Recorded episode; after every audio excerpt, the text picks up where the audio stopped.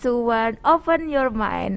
Halo sahabat Trubus, selamat datang di Trubus Podcast. Apa kabar kalian? Semoga selalu dalam keadaan sehat, bahagia, dan sejahtera selalu.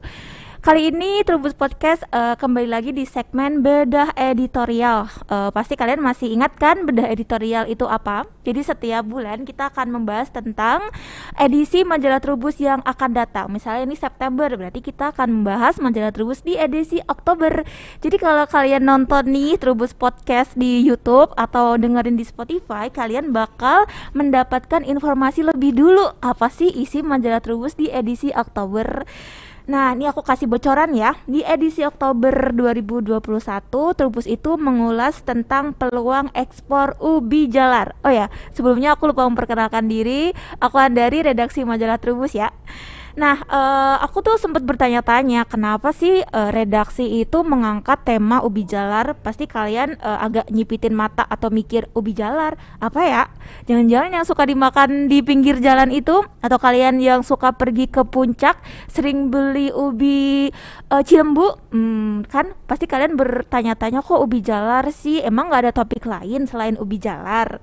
Ternyata nih aku menemukan data nih data terbaru ya buat kalian. Jadi di data Kementerian Pertanian nih menunjukkan PDB pertanian pada kuartal 4 2020 itu tumbuh 2,59% persen dan menyumbang pertumbuhan ekonomi sebesar 1,75%. Jadi di masa pandemi pertanian itu justru menjadi segmen atau menjadi sektor yang menolong.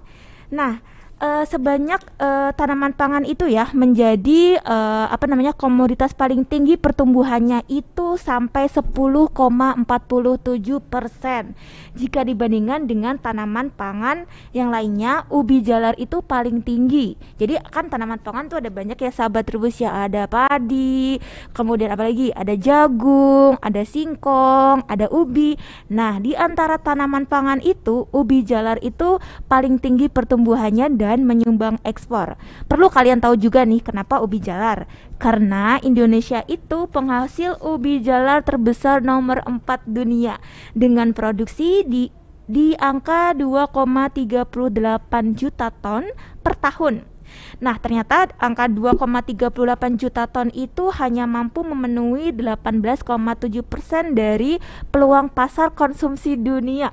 Nah, dari angka itu pasti kalian sudah bisa ini dong, pasti udah bisa memprediksikan ada berapa persen tuh yang belum terisi. Sekitaran berapa tuh? Kalau kalau baru 18 berarti ada sekitaran 82 yang belum terisi atau masih kosong yang bisa kita isi atau uh, petani Indonesia bisa isi terutama untuk petani ubi jalar. Nah, untuk uh, obrolan lebih dalam mengenai ubi jalar, terutama peluang ekspor ubi jalar, seperti biasa, bedah editorial ini akan mengundang tamu tetap. Pak Sardi Duryatmo, apa kabar? Sehat. Mbak Titi sehat hari ini? Sehat, aku sehat selalu dan senang sekali kalau misalnya tiap bulan bisa bertemu dengan Pak Sardi. Dan masih pakai masker ya? Iya, iya sebenarnya agak nggak nyaman ya Pak Sardi ya kalau ngomong pakai masker iya. itu uh, karena kan uh, ngap juga nih sahabat rubus. Tapi karena demi memenuhi protokol kesehatan kita tetap pakai masker. Meskipun keduanya kita tahu sehat baru tes covid ya iya kita udah vaksin kan Mas Ardi? Udah vaksin dua kali dan duduknya masih berjauh-jauhan. Jauh. LDR ya Mas Ardi? Mas Ardi uh, kenapa sih uh, peluang apa yang diangkat di edisi Oktober itu ubi jalar? Tadi aku udah sempat bacain ke sahabat rubus tapi kan itu dari hasil aku baca-baca. Nah Mas Sardi kan uh, apa uh, membawahi uh, majalah Trubus. Nah, aku pengen tahu lebih jelas dan lebih aktual dari yang punyanya dari dari yang bau rekso majalah bau Trubus. Jadi kenapa ubi jalar? Iya, kalau mendengar ubi jalar yang ada di pikiran sebagian orang itu mohon maaf ya stigma negatif makanan sorry kampungan, makanan makanan deso gitu ya. Jadi ada stigma buruk terhadap ubi jalar gitu di di kita yang mestinya itu tidak perlu gitu. Nah, di sisi lain di balik stigma buruk itu ternyata kalau tadi uh, Titi sudah menyebutkan PDB kita naik dan seterusnya gitu ya. Uh, ternyata benar gitu bahwa sebagian besar tadi ekspor ya karena sumbang ubi jalar itu yang disebut sebagai the survival of economy gitu. Jadi pertanian terutama tanaman pangan itu menjadi penyelamat ketika pandemi uh, terjadi ya di kuartal 4 tahun 2020 kemarin gitu. Mengapa Trubus pada akhirnya mengangkat ubi jalar sebagai topik itu yang tadi mendapat stigma buruk? Hmm. Yang hmm. pertama ya karena makin banyak perusahaan yang mengekspor ubi jalar dengan berbagai bentuk olahan gitu hmm. yang dulu tidak pernah ada gitu misalnya ubi jalar diolah menjadi pasta hmm. menjadi stik hmm. tepung gitu bahkan uh, ubi yang segar juga demikian gitu yang menyebabkan nilai tambah bagi eksportir itu juga akan meningkat hmm. gitu hmm. nah dulu juga apa uh, ada asumsi bahwa ubi jalar Cilembu hanya bisa dibudidayakan di sekitar Sumedang di Sumedang dan di sekitarnya karena pengaruh sulfur dari Gunung Tangkuban Perahu gitu. Sehingga ketika dibudidayakan di luar itu konon rasanya berbeda, tapi asumsi itu dipatahkan, itu mitos. Ubi jalar cilembu sekalipun dibudidayakan di luar daerah Sumedang itu hasilnya juga tetap bagus sesuai dengan kriteria ekspor gitu. Nah, perkembangan-perkembangan semacam itu gitu ya, adanya olahan, peluang bisnis yang cukup besar, itu yang menyebabkan antara lain Trubus akhirnya mengangkat ubi jalar sebagai topik utama di edisi Oktober 2021 karena tadi dengan berbagai pertimbangan nilai beritanya yang sangat tinggi. Nah, baru dengar juga nih dari pasar di ternyata ubi cilembu bisa dibudidayakan di luar uh, istilahnya di luar sentranya ya pasar ya, di sentranya ya, kan di Sumedang. Kalau selama ini kalau misalnya aku makan ubi cilembu itu kan selalu ada madunya di dalamnya. Nah dulu katanya kalau misalnya ditanam di luar Sumedang tuh madunya tuh nggak keluar. Tapi ini sebenarnya enggak seperti itu, mitosnya terpatahkan. Bisa iya, tetap jadi keluar meskipun madunya. ubi jalar cilembu tadi dikembangkan di luar Sumedang, madu yang di bagian dalam uh, daging umbi tadi ketika diolah tentu dengan umur panen yang maksimal ya, ya benar. 4 sampai 5 tahun itu ya tetap bisa keluar madunya itu meskipun dibudidayakan di luar Sumedang. Wah seru banget. Ini hmm. uh, kita bahas tentang budidaya nanti dulu ya. Kita bahasnya tentang uh, tentang pasarnya dulu, tentang potensi ubi jalar. Tadi Pak Sadi mengatakan, oh ternyata uh, sudah banyak eksportir yang bergerak untuk uh, menjual ubi jalar ke luar negeri. Berarti kalau gitu potensi pasarnya lumayan bagus nih Pak Sardi. Benar, potensi pasarnya itu cukup besar. Jadi -hmm. kalau saya sebutkan Misalnya salah satu eksportir yang berkantor di Cirebon itu dalam satu hari itu membutuhkan sekitar 50 ton ubi jalar. 50 ton? Iya, kapasitas produksinya sampai 500 ton olahan per bulan. Dia membuat stik, kemudian e, dipotong seperti kubus atau potong dadu gitu untuk memasok ke pasar ekspor. Jadi dengan 500 ton per bulan pun 350 sampai 500 ton olahan per bulan itu baru memenuhi sekitar 30 sampai 50 persen permintaan ekspor gitu. Jadi masih ada kekurangan ubi jalar yang eh, apa harus dipasok ke perusahaan itu untuk memenuhi permintaan pasar ekspor itu membuktikan betapa besarnya pangsa pasar ubi jalar gitu. Jadi petani eh, bisa membudidayakan ini karena waktunya juga relatif singkat dibandingkan dengan tanaman pangan lain misalnya tadi kalau dibandingkan dengan ubi kayu atau singkong. Nah itu berarti um, itu baru dari satu eksportir ya Pak ya. Sardi yang kita apa yang majalah Trubus wawancari belum dari eksportir eksportir lain, lain ya. ya. Wah, berarti peluangnya besar sekali si ubi jalar ini. Ya. Nah, uh, kalau boleh tahu negara tujuan ekspornya tuh uh, ke mana aja tuh? Ya, pada umumnya eksportir eksportir di Indonesia tadi mengirimkan olahan ubi jalar ke Cina, ke Korea, Jepang mm. terutama itu juga uh, membutuhkan dan negara-negara di Asia Tenggara. Mm. Uh, kalau boleh tahu itu kan uh, olahan biasanya dalam bentuk pasta satu, pasta, stick, stick. Uh, seperti kalau kita lihat kentang ya yang biasa dibuat stick itu ya, mm. French fries itu mirip mm. seperti itu mm -hmm. dan potongan uh, dadu atau kubus. Oh. Satu lagi tepung kalau sudah berbentuk tepung, contohnya semacam ini udah menjadi produk untuk bahan baku beragam olahan termasuk mie misalnya. Oh oke, oh berarti Mm-mm. mereka di sana mendatangkan tepung, itu Mm-mm. tepung ubi jalar dari sini, itu akan diolah di sana misalnya di China gitu Mm-mm. menjadi eh, mie, bahan Iya, baku mie gitu. itu. Wow, wah ternyata keren juga ya ubi jalar yang dulu kita anggap kayak ah remeh banget nih, receh banget ubi jalar. Nah Pak Sardi, kalau misalnya sudah masuk pasar ekspor seperti itu, tentu si eksportir eh, gak akan eh, asal aja dong na- nampung Iya. ubi jalar dari petani, mereka pasti punya standar mutu.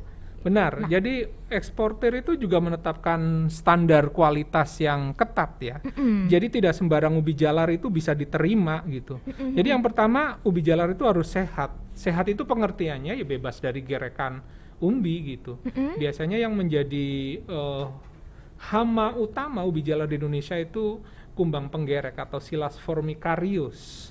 Itu yang pertama mulus, eh, Mulus. bentuknya lonjong, bobot ideal rata-rata itu sekitar 200 sampai 400 gram per umbi dengan diameter 5 cm.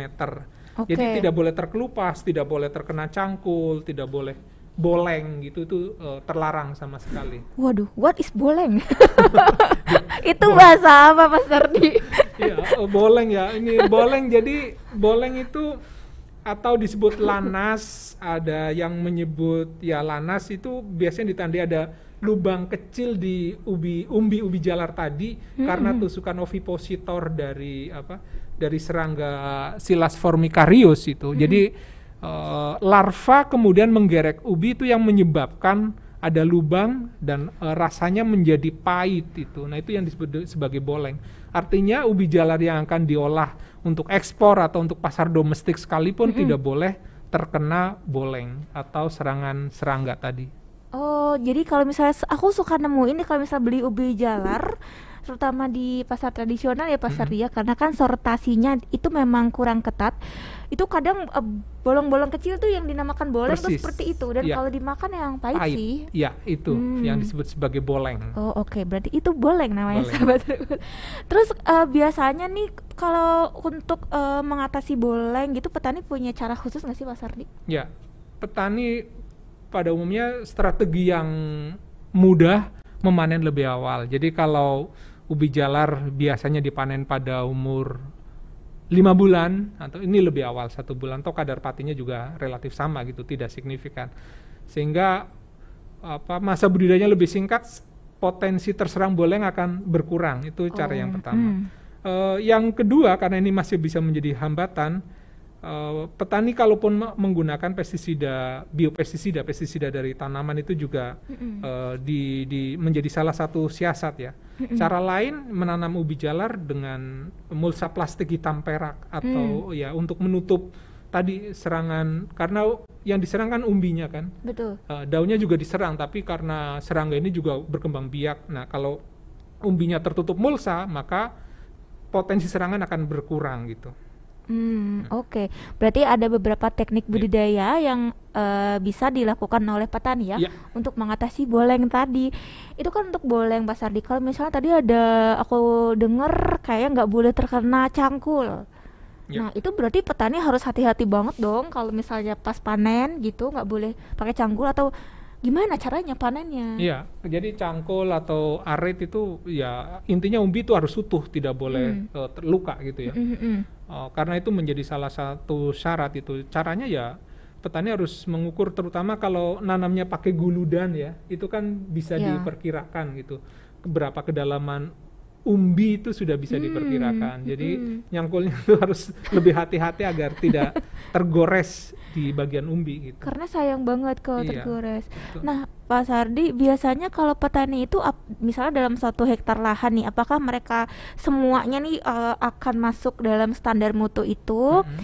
atau ah, paling itu peta satu petani di lahan satu hektar tuh paling cuma 80% nih yang bisa masuk eh, eksportir gitu. Atau mereka memang sudah pinter nanamnya jadi semuanya bisa diterima oleh eh, industri atau eksportir Ya, tadi kalau melihat standar mutu yang produksi sekitar rata-rata ubi jalar di. Indonesia yang bagus itu antara 20 sampai 30 ton per hektar atau kita rata-ratakan 25 ya. Mm-mm. Meskipun ada juga ubi jalar yang potensi produksinya hanya 10 ton untuk jenis tertentu gitu. Oke. Jadi kalau itu tadi terkait dengan serangan boleng eh, pengalaman petani sekitar 10 persen. 10 persen itu cukup besar ya, artinya sekitar 10 persen eh, dengan 30 ton itu 300 kilogram.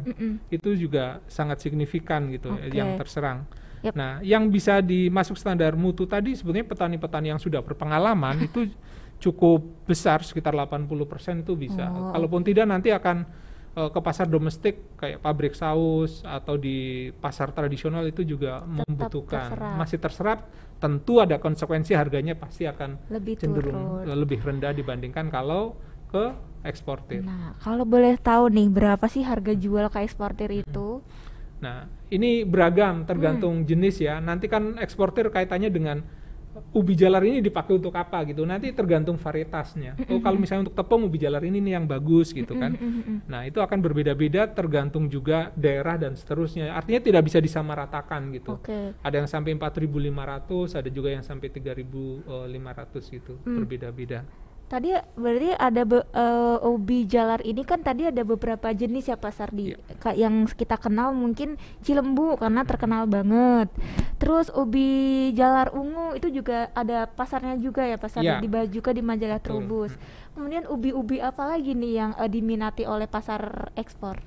Ya kalau tadi yang disasar adalah stik goreng atau beku, maka yang cocok dikembangkan bisa sawentar, Papua Sawentar. Solosa, Benindu, Hmm. eh, kemudian antin 2, antin 3 itu cocok. Kalau yang dijadikan bahan baku untuk stik goreng atau beku. Mm-mm. Tapi kalau produsen itu tertarik untuk mengolah menjadi pasta atau kukus, maka disarankan beta 1, beta 2, beta 3 itu lebih pas. Oh oke. Nah, kalau orientasinya adalah tepung, tepung ubi jalar, Mm-mm. maka eh, siko pating 1, pating 2, siro yutaka itu lebih pas dikembangkan gitu. Oke, jadi ya, kalau misalnya ada eh, pekebun baru setelah baca majalah Trubus edisi Oktober, ternyata pengen nanam ubi jalar harus dipastikan dulu mau dipasarinya. Orientasi- persis. Oh, Oke, ke mana jangan sampai kita mau jual eh, stick dalam bentuk stick atau jual ke eksportir yang eh, ekspornya dalam bentuk tepung, kita salah nanam. Jadi Betul. kitanya rugi, terus rugi waktu, rugi investasi juga ya Pak Sardia. Persis. Pastikan. Karena itu bisa baca trubus lebih lengkap Betul. agar tidak salah memilih varietas. Iya, ini aku mau nunjukin ya sahabat Rubus. Jadi buat kalian untuk edisi Oktober sudah terbit, kalian bisa mendapatkan di toko buku kesayangan kalian atau kalian bisa kunjungi marketplace kesayangan kalian bisa di Shopee, bisa di Tokopedia. Kalian tinggal ngetik aja majalah Trubus. Nih, ini contoh majalahnya. Nah, ini covernya adalah ubi jalar ungu. Ini kita bisa lihat ya, ini ada bentuk olahan dalam bentuk mie. Kemudian ini ada chips dan ini adalah ubi jalar ungunya. Ada juga tepungnya, seperti yang dijelaskan sama Pak Sardi tadi gitu. Jadi di dalamnya kalian bisa tahu semuanya tentang ubi jalar mulai dari peluang ekspornya, marketnya, jenis-jenisnya, harganya dan sedikit tentang budidayanya. Pak Sardi, sebelum kita ngobrol lebih dalam lagi nih, di depan aku tuh ada kayak, hmm, ini adalah keripik, boleh dibilang keripik atau apa nih Pak Sardi? Keripik. Keripik ya.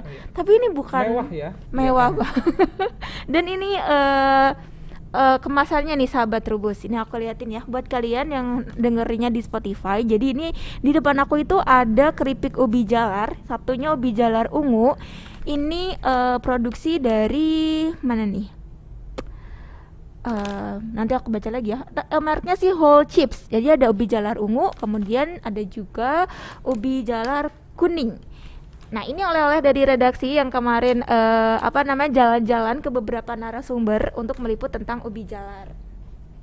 Kalau bisa dibilang dua produk ini produk yang premium ya Pak Sardi. Yap, betul. Yang ungu ini kayak antioksidan Mm-mm, atau tinggi. Mm-mm. Kalau yang kuning kayak beta karotin dan Oh, oh. keduanya sangat bagus untuk kekebalan tubuh kita gitu. Yap. Ngemilnya ngemil sehat dari ubi jalar. Nah ini kalau ini sih pasarnya memang pasti pasar menengah ke atas nih sahabat Trubus karena tidak digoreng. Ini kayak di ini apa ya Sardi apa ya di press gitu ya. Ya, jadi vakum. keluar di vakum ya. Jadi keluar eh, airnya bisa disimpan lebih lama dan rasanya rasanya pun sepertinya rasa ori original ya, original ya. Bisa dicicipin? Boleh coba? banget. Boleh ya ini teman-teman kru, aku cicipin bentar doang buka maskernya. Takut. Ada Satpol PP. Nah, ini aku coba ini yang warna ungu. Ini ya, warna ungu ya aku coba. Ini kayak ASMR tau nggak Hmm. pas tadi ASMR? Apa tuh? Ya coba dimakan Mas Adi terus dideketin ke mic. Hmm, Yang dulu nggak kedengeran dong. crispy banget. Kedengeran nggak? Kalian kayak nonton ASMR nggak? Hmm, ini aku ceritain ya. Jadi dia tipis banget nih, sahabat rebus nih lihat. Itu. Nah ini bebas minyak ya Pak Sardi ya. Bebas minyak. Enak. Nah kalau boleh tahu ini mm, oleh-oleh dari mana nih Pak Sardi? Ini kemarin teman-teman liputan ke berbagai pelaku agribisnis ya. Jadi kekhasan Trubus itu kata kalau meliput itu ya total bukan hanya petani-petani semua. Petani-petani. Jadi para pelaku agribisnis Bijalar tuh didatangi dari petani, terus kemudian pengepul. Pengepul tuh yang mengumpulkan eh, umbi dari petani, itu Mm. pengepul juga didatangi. Terus kemudian eksportir, pelaku pasar domestik yang memasuk ke pasar eh, lokal seperti apa, peneliti, akademisi, asosiasi ubi jalar Indonesia gitu, Mm. agar Turbus itu bisa memotret persoalan apa yang muncul dan berapa besar potensi pasarnya gitu. Oh. Jadi tidak parsial, ya udah petani-petani semua gitu, mencoba selengkap mungkin. Ya ber- berarti eh, dari hulu sampai hilir itu benar-benar dikupas ya. Iya, betul. petaninya ditanya, kemudian eh, pengepulnya ditanya, ekspornya ditanya, dan ini di bagian eh, hilir banget ya Pak Sardi karena ini adalah yang mengolah ubi jalar menjadi produk yang siap Betul. untuk dimakan gitu. Selain keripik, aku juga ada contoh tadi tepungnya. Bisa minta tolong Pak Sardi? Ini adalah tepung ubi ungu. Hmm, ini yang diekspor ya Pak Sardi. Iya. Ini lembut banget sih tepungnya bisa digunakan untuk pembuatan kue, muffin, roti, bubur empasi, candil, bakpao. Kemudian kandungan tepung ubi ungunya juga tinggi ya, ada karbohidrat, serat, fosfor, besi, dan kalium. Ini bisa kalian cari sendiri ya untuk kalau misalnya kalian pengen mendapatkan tepung ubi jalar ungu yang ini. Ada juga yang tepung ubi jalar kuning ya Pak Sardi. Iya. Pak Sardi oleh-olehnya banyak banget nih. ini tepung ubi jalar yang eh, kuning sama juga sih peruntukannya gitu. Ini beda apakah tepung ubi jalar itu memang seperti ini Pak Sardi selembut ini? Iya, tepung bicara itu lembut, Hmm. bagus. Untuk kue itu enak sekali. Hmm, oke. A- aku pikir ini setelah melalui eh, sortasi dulu. Eh, se- sebenarnya dia kasar, kemudian dihaluskan jadinya bentuknya Tidak, seperti ini. tepungnya memang halus ubi jalar. Oh, Jadi tepung. kalau untuk tepung ukuran itu bisa diabaikan sebetulnya yang penting tingkat ini ya umur panen umbi itu 4 atau lima tahun gitu. Jadi maksudnya bentuk kalau yang tadi harus 400 gram diameter 5 kalau untuk olahan bisa diabaikan sebetulnya. Oh, oke. Nah, berarti umur panen sangat mempengaruhi. Betul, karena kalau panennya muda kadar patinya juga rendah. Petani Oh. akan rugi, akan berpengaruh ke situ. Oh oke. Nah Pak Sardi, kalau ngomong-ngomong tentang ekspor, ekspor itu berarti menjual ya Pak ya, ya Pak Sardi ya, berkaitannya tentang itu. Kalau kita misalnya nih aku mau jual, mau budidaya ubi jalar, mau nanam gitu, ada gambaran keuntungannya nggak sih? Soalnya tadi eh, baru dijelaskannya tuh tentang pasar aja, siapa yang menerima, tapi belum dijelaskan ke misalnya pekebun baru, untung nggak sih Pak Sardi? Baik. Jadi kalau untuk pekebun baru, eh, saran saya karena ini agribisnis harus market driven ya. Jadi memulainya dari aspek pasar dulu, dari hilir apa hulu hilir jadi hilir hilir dulu itu jangan budidaya. Pastikan misalnya menjalin kemitraan ke eksportir atau ke pekebun yang lebih dahulu gitu. Yang penting pasarnya sudah di tangan dulu baru budidaya intinya gitu. Jangan ujuk-ujuk tiba-tiba budidaya gitu ya. Jadi sebagai gambaran kalau mau menanam satu hektar populasi ubi jalar itu rata-rata sekitar 36.000 sampai 40.000 tanaman jumlahnya rata-rata. Ubi jalar ini bisa dibudidayakan di dataran rendah sampai tinggi sebetulnya. Tetapi kalau panen di dataran tinggi pasti akan lebih lama waktunya dibandingkan dengan durasi budidaya di dataran rendah terkait Benar. dengan intensitas sinar matahari dan Yap. seterusnya. Nah, satu tanaman tadi eh, kita akan eh, memanen pada umur 4 bulan, biaya produksi yang diperlukan ya, peralatan, bibit, olah tanah, pupuk, pestisida dan seterusnya. Itu hitung-hitungan kami sekitar 30 juta rupiah per hektar. Mm-mm. Nah, panen rata-rata itu kalau tadi kan saya sampaikan antara 20 sampai 30 ton. Kita ambil menengah yang 25 ton. Oke. Rata-rata dalam 4 bulan gitu. Harga di tingkat petani kan tadi juga saya sampaikan sampai ada 4.500. Iya. Kita tentu kalau ketika menghitung ini tidak dengan angin surga harga yang tinggi gitu, tapi harga yang rendah menengah itu sekitar 2.500 gitu. Mm-mm. Jadi 2.500 kali 25 ton itu sekitar 62 juta rupiah dikurangi 30 juta itu biaya apa eh, laba bersih yang diperoleh petani ubi jalar kira-kira dalam satu hektar luasan 30 Dua. juta rupiah. Yap, sekitaran Ya, sekitar 30 itu ya. juta. Nah, Trubus itu di eh, di apa di edisi Oktober mengulas juga tentang analisa usahanya nggak sih? Itu kan penting banget buat pekebun ya.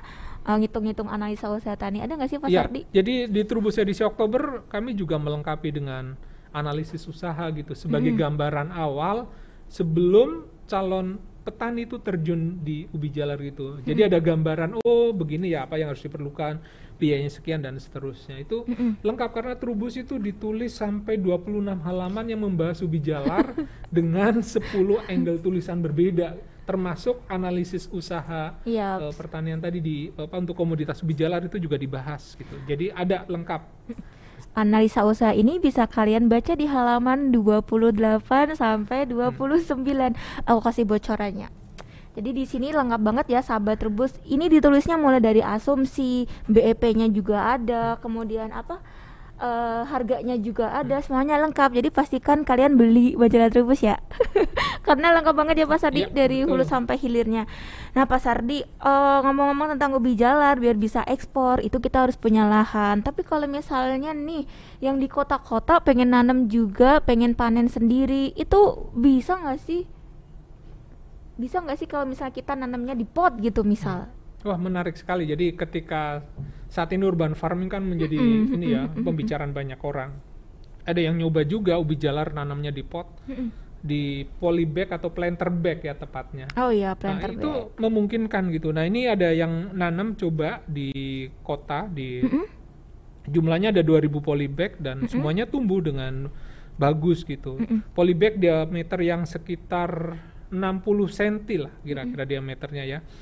Nah, tadi eh, dia sanggup dalam satu polybag itu eh, ada sekitar 4 sampai 5 tanaman gitu Oh. dan itu bisa panen pada umur 4 bulan gitu. Bahkan sekarang ada polybag yang bisa dibuka ini ya. Jadi ketika mau panen umbinya itu bisa diambil gitu, lebih mudah gitu. Hmm, maksudnya gimana? Planter jadi bag, jadi- tinggal dibuka aja Iya gitu. tinggal dibuka lalu eh, nanti petani itu bisa mengambil umbi ubi jalarnya di bagian bawah gitu tanpa harus menyobek gitu. Wah, ini jadi bawahnya. kayak eh, inovasi budidaya yang Iya. penting banget di pasar di Iya. siapa tahu nanti ke depannya ada pekebun di kota yang nggak perlu lagi eh, apa olah tanah atau buka lahan tapi cukup untuk menyiapkan eh, dana untuk membeli polybag jadi bisa nanam ubi jalarnya itu di polybag ya Pak Sardi di Iya, planter lebih- bag Termasuk untuk di perkotaan memungkinkan. memungkinkan banget Dan kalau untuk perkotaan sebetulnya Hmm. ya bukan hanya untuk perkotaan, untuk seluruh masyarakat Indonesia. Ubi jalar itu bukan hanya bicara umbi yang dipanen, daunnya itu luar biasa. bisa itu dimakan dikonsumsi enak sekali gitu.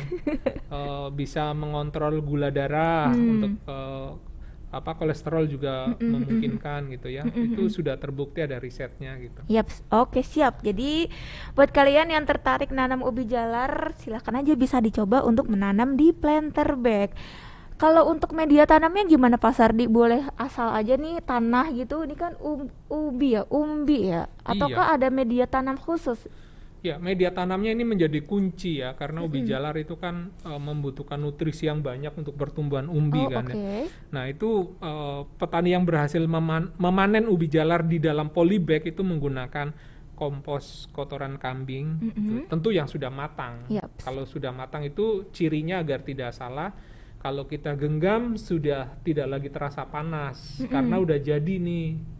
Kalau panas artinya masih proses fermentasinya masih berlangsung. Mm, mm, mm, mm. Warnanya hitam seperti tanah. Yang kedua, jadi dan yang ketiga tentu tidak menimbulkan aroma tertentu gitu. Aromanya sudah seperti aroma tanah gitu. Oh, oke, siap. Nah, itu kompos kambing, sek- sekam itu juga penting agar tanahnya itu tidak padat gitu karena kalau nanti padat pertumbuhan umbinya juga tidak maksimal Mm-mm. dengan dan kemudian tanah dengan perbandingan satu dua satu gitu artinya sekamnya itu yang agak banyak agar porus ketika disiram itu juga cepat airnya ya Eh, tadi kuncinya tanah jangan dominan karena media tanam yang keras menyebabkan pertumbuhan itu kurang optimal gitu pertumbuhan umbinya Oke, siap. Hmm. Pastikan satu dua satu ya itunya Iya. ya eh, perbandingannya.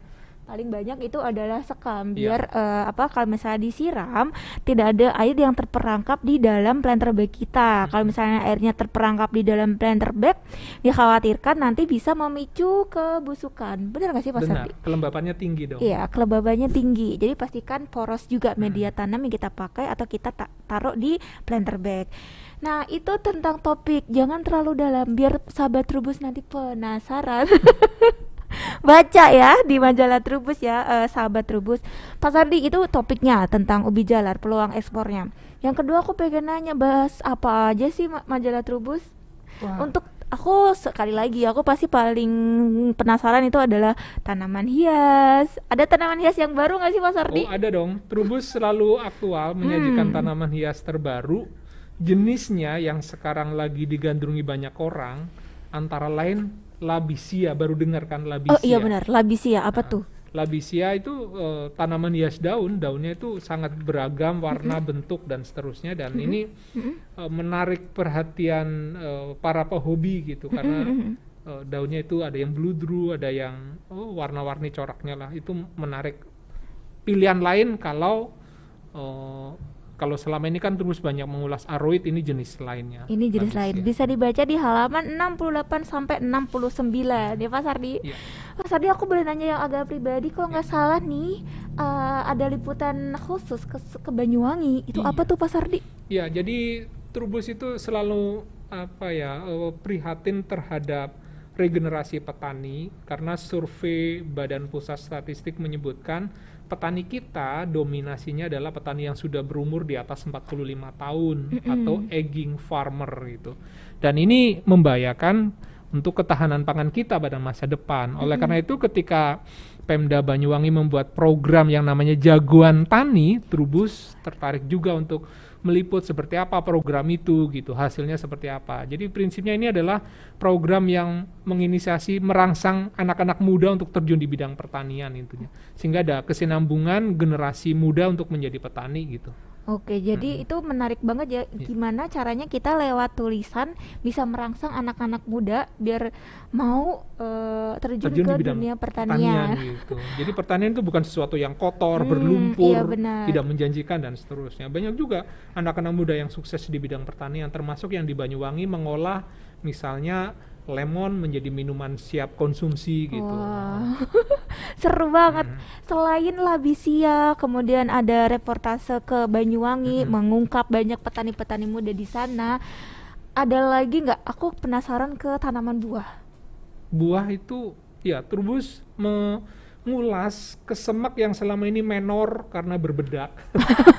berbedak itu sebetulnya kapur untuk menghilangkan tanin kan agar rasanya lebih manis lebih bagus. Nah ini ada teknologi sebetulnya yang dilakukan oleh petani di Batu Kota Madaya Batu Jawa Timur. Jadi kesemak-kesemak mereka tidak lagi berbedak dan masuk pasar swalayan. Ini untuk kali pertama dalam sejarah perbuahan di Indonesia buah lokal kesemak Diospyros kaki itu masuk pasar swalayan. Dulu-dulu tidak pernah. Kesemak ya pasar tradisional gitu. Dulu ditolak sama pasar swalayan karena dia ada bedaknya.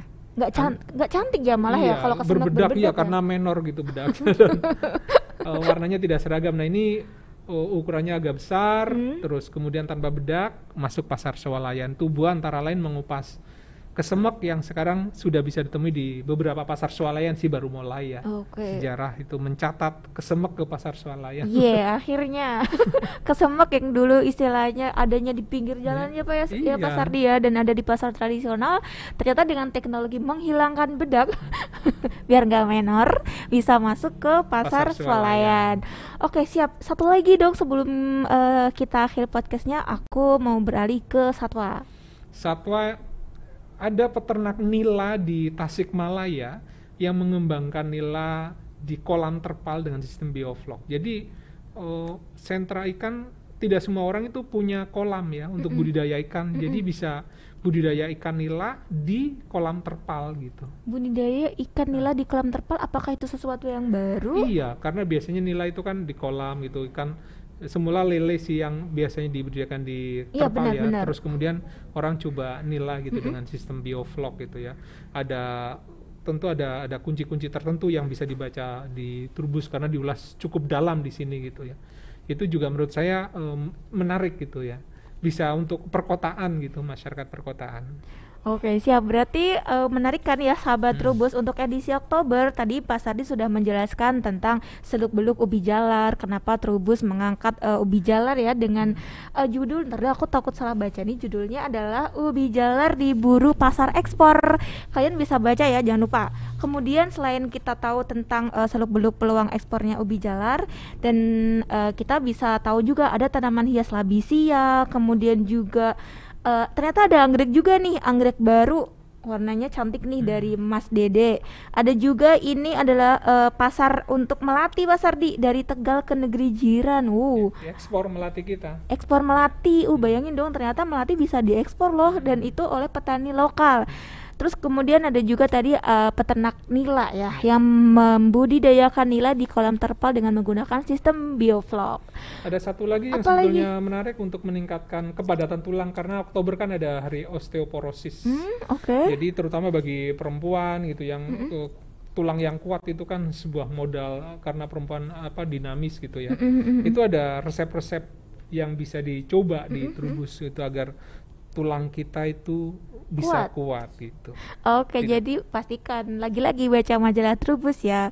Oke, Pak Sardi, terima kasih banyak untuk waktunya. Setiap bulan kita akan terus ketemu Pak Sardi bahasnya tentang bedah editorial ya. Ini majalah Trubusnya. Jadi pastikan kalau misalnya kalian beli majalah Trubus edisi Oktober, lihat ya covernya ya. Cover kita memakai gambar ubi jalar ungu kelihatan kan? Ubi jalar ungu kemudian ini ada mie-nya ada juga mm, chipsnya ada juga tepungnya. Ini pastikan kalian baca majalah Trubus edisi Oktober oke? Nah terima kasih banyak Pak Sardi atas waktunya Terima bulan depan bulan depan kita akan ketemu lagi tapi jangan dikasih tahu dulu bulan depan kita bahas apa ya Pak Sardi ya Yap. Ya, sahabat Trubus, sekian ya untuk bedah editorial Trubus edisi Oktober. Bulan depan kita masih ketemu Pak Sardi, pastikan kalian nonton dan pastikan juga kalian mendengarkan podcast ini di Spotify. Kita ada di Spotify loh Pak Sardi. Iya. Wow, lebih ini ya.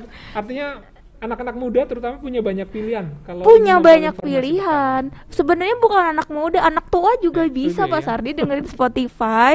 Jadi eh, Spotify-nya kan kalau misalnya Spotify itu bisa kita bisa sambil nyetir gitu Pak Sardi sambil dengerin Iya. gitu kan atau sambil berkegiatan kita bisa sambil mendengarkan gitu. Nah ini ada eh, informasi sedikit mengenai eh, pelatihan Trubus ya. Jadi Trubus itu ada pelatihan di Pak Sardi. Nah, dikemasnya dalam segmen kelas Trubus. Ini aku bacain ya. Jadi kelas Trubus itu adalah pelatihan eh, yang diadakan secara reguler setiap bulan buat sahabat Trubus. Aku kasih tahu ya. Eh, sebelumnya kita melakukan pelatihan online, tapi sekarang ada juga pelatihan offline. Jadi kalau offline kan lebih afdol tuh Pak Sardi, bisa ketemu komoditasnya, bisa ngobrol langsung dengan narasumbernya. Di edisi Oktober itu ada eh, pelatihan eh, anggur ya. Judulnya adalah sukses kebunkan kebunkan anggur untuk pemula itu di hari Minggu tanggal 17 Oktober jam 10 sampai jam 2 siang. Eh, materinya adalah pemilihan pemilihan bibit, eh, kemudian ada juga perawatannya. Kemudian ada juga nanti kita dikasih tahu tentang bagaimana panen dan pasca panen dan cara mendobrak pasar. Buat kalian yang tertarik untuk mengikuti pelatihan sukses kebunkan anggur untuk para pemula, bisa eh, investasi senilai Rp800.000. Nanti kalian bisa eh, mendapatkan bibit anggur impor. Caranya gimana? Eh, kalau misalnya mau ikut daftar aja ke eh, tim kami di 0812 9776 3908. Aku ulang ya. 0812 9776 3908. Nah, itu kalau misalnya kalian mau uh, memilih anggur. Ada juga nih kalau misalnya kalian memilih porang, Ayo, siapa yang belum tahu porang? Ini udah sering dibahas di majalah Trubus. Ini kita juga ada uh, pelatihan budidaya porang, ekspor dan produk turunannya. Itu di tanggal 30 sampai 31 Oktober. Materinya adalah pemilihan bibit varietas unggul, kemudian pemilihan lokasi budidaya, e, bagaimana cara usahanya, kemudian bagaimana cara e, mengolah porang atau memproduksi porang. Ini investasinya sebesar Rp1.750.000. Ini di dua pelatihan ini kita datang langsung ke lapangan. Intinya artinya bukan intinya. Artinya kita mendatangi tempat budidaya kita ketemu langsung dengan narasumbernya. Kemudian kita juga bisa langsung praktek di situ. Uh, daftarnya bisa juga tadi kan uh, nomor teleponnya ya. Ini bisa juga kalian DM ke Instagram kelas Trubus. Jadi jadi kalian DM aja di sana Instagram kelas Trubus mau ikut pelatihan apa? Mau ikut pelatihan anggur atau forang Oke, jangan lupa follow juga Instagram kelas Trubus dan Instagram majalah Trubus. Nah, demikian pasar di info penting banget untuk sahabat Trubus. Jangan lupa daftar ya. Terima kasih Tetap banyak. jaga kesehatan ya. Oh iya, oke. Okay. Karena ini pelatihan langsung Trubus juga langsung. membatasi peserta. Iya, kita membatasi peserta. Jadi kalian harus cepat-cepat. Kalau misalnya enggak, kalau misalnya kuotanya sudah terpenuhi, kita akan men stop baru jadi, untuk periode berikutnya dibuka iya, lagi. Benar Pak Sari. Jadi kaget kan diingetin tentang tentang pembatasan peserta. Terima kasih Pak Sardi. Hmm. Tadi lupa mau mengatakan. Terima kasih sudah diingatkan.